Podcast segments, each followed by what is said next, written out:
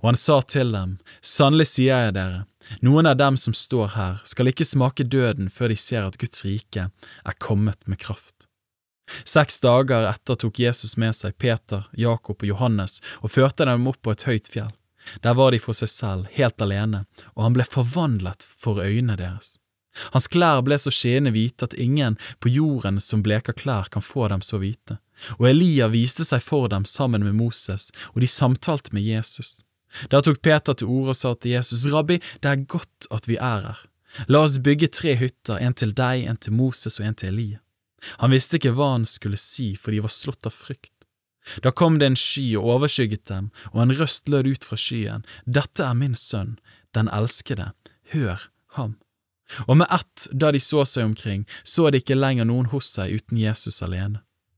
Og da de gikk ned fra fjellet, bød han dem at de ikke skulle fortelle noen hva de hadde sett, før menneskesønnen var stått opp fra de døde.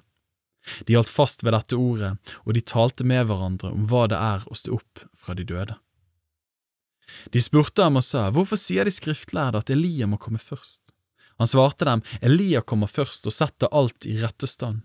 Og hvordan står det skrevet om menneskesønnen? At han skal lide meget og bli foraktet. Men jeg sier dere, Elia er kommet, og de gjorde med ham alt det de ville, slik det står skrevet om ham. Da de kom til disiplene, så de en stor folkemengde omkring dem og noen skriftlærde som var i ordstrid med dem. Og straks alt folket fikk se ham, ble de forferdet, og de løp til og hilste ham. Han spurte dem, hva er det dere strides med dem om? En i folkemengden svarte ham, Mester, jeg har ført til deg sønnen min, som er besatt av en stum ånd.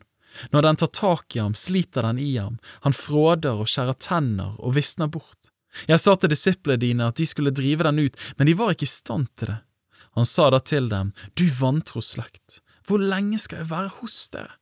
Hvor lenge skal jeg tåle dere? Før ham til meg!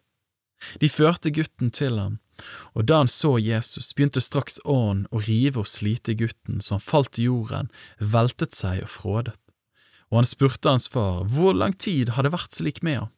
Han svarte fra barndommen av.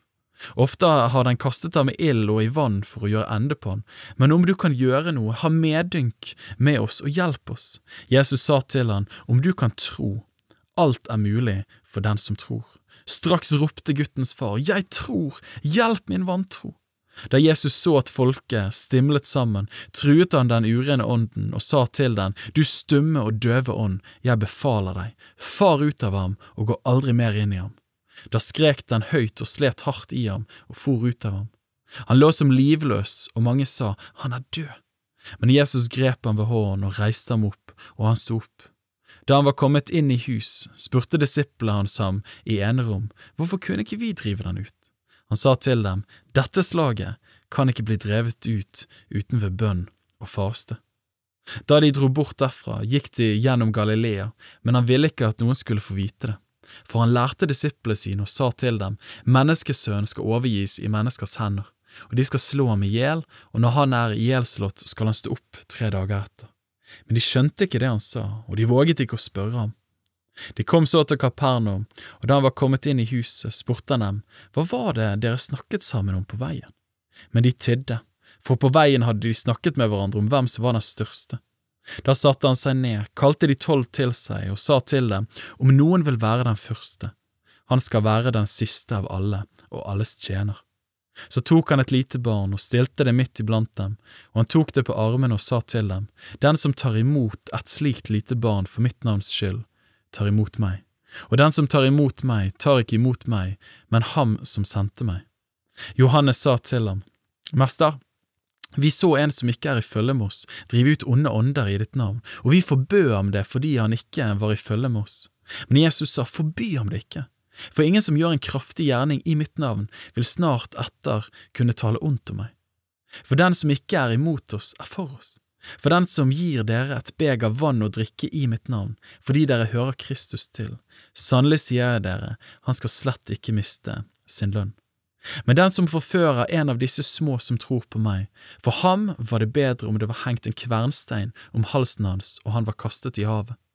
Om din hånd frister deg, da hogg den av. Det er bedre for deg at du går vannfør inn til livet, enn at du har dine to hender og går bort til helvete, til den uslukkelige ild, hvor deres orm aldri dør og ilden ikke slukner. Og om din fot frister deg til fall, så hogg den av.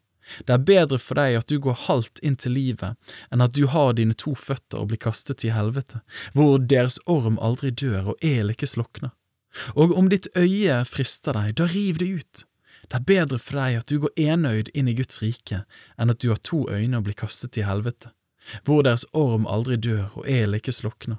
For hver og en skal saltes med ild, og hvert offer skal saltes med salt. Salt er en god ting, men hvis saltet mister sin kraft, hva vil dere så salte det med? Ha salt i dere selv, og hold fred med hverandre.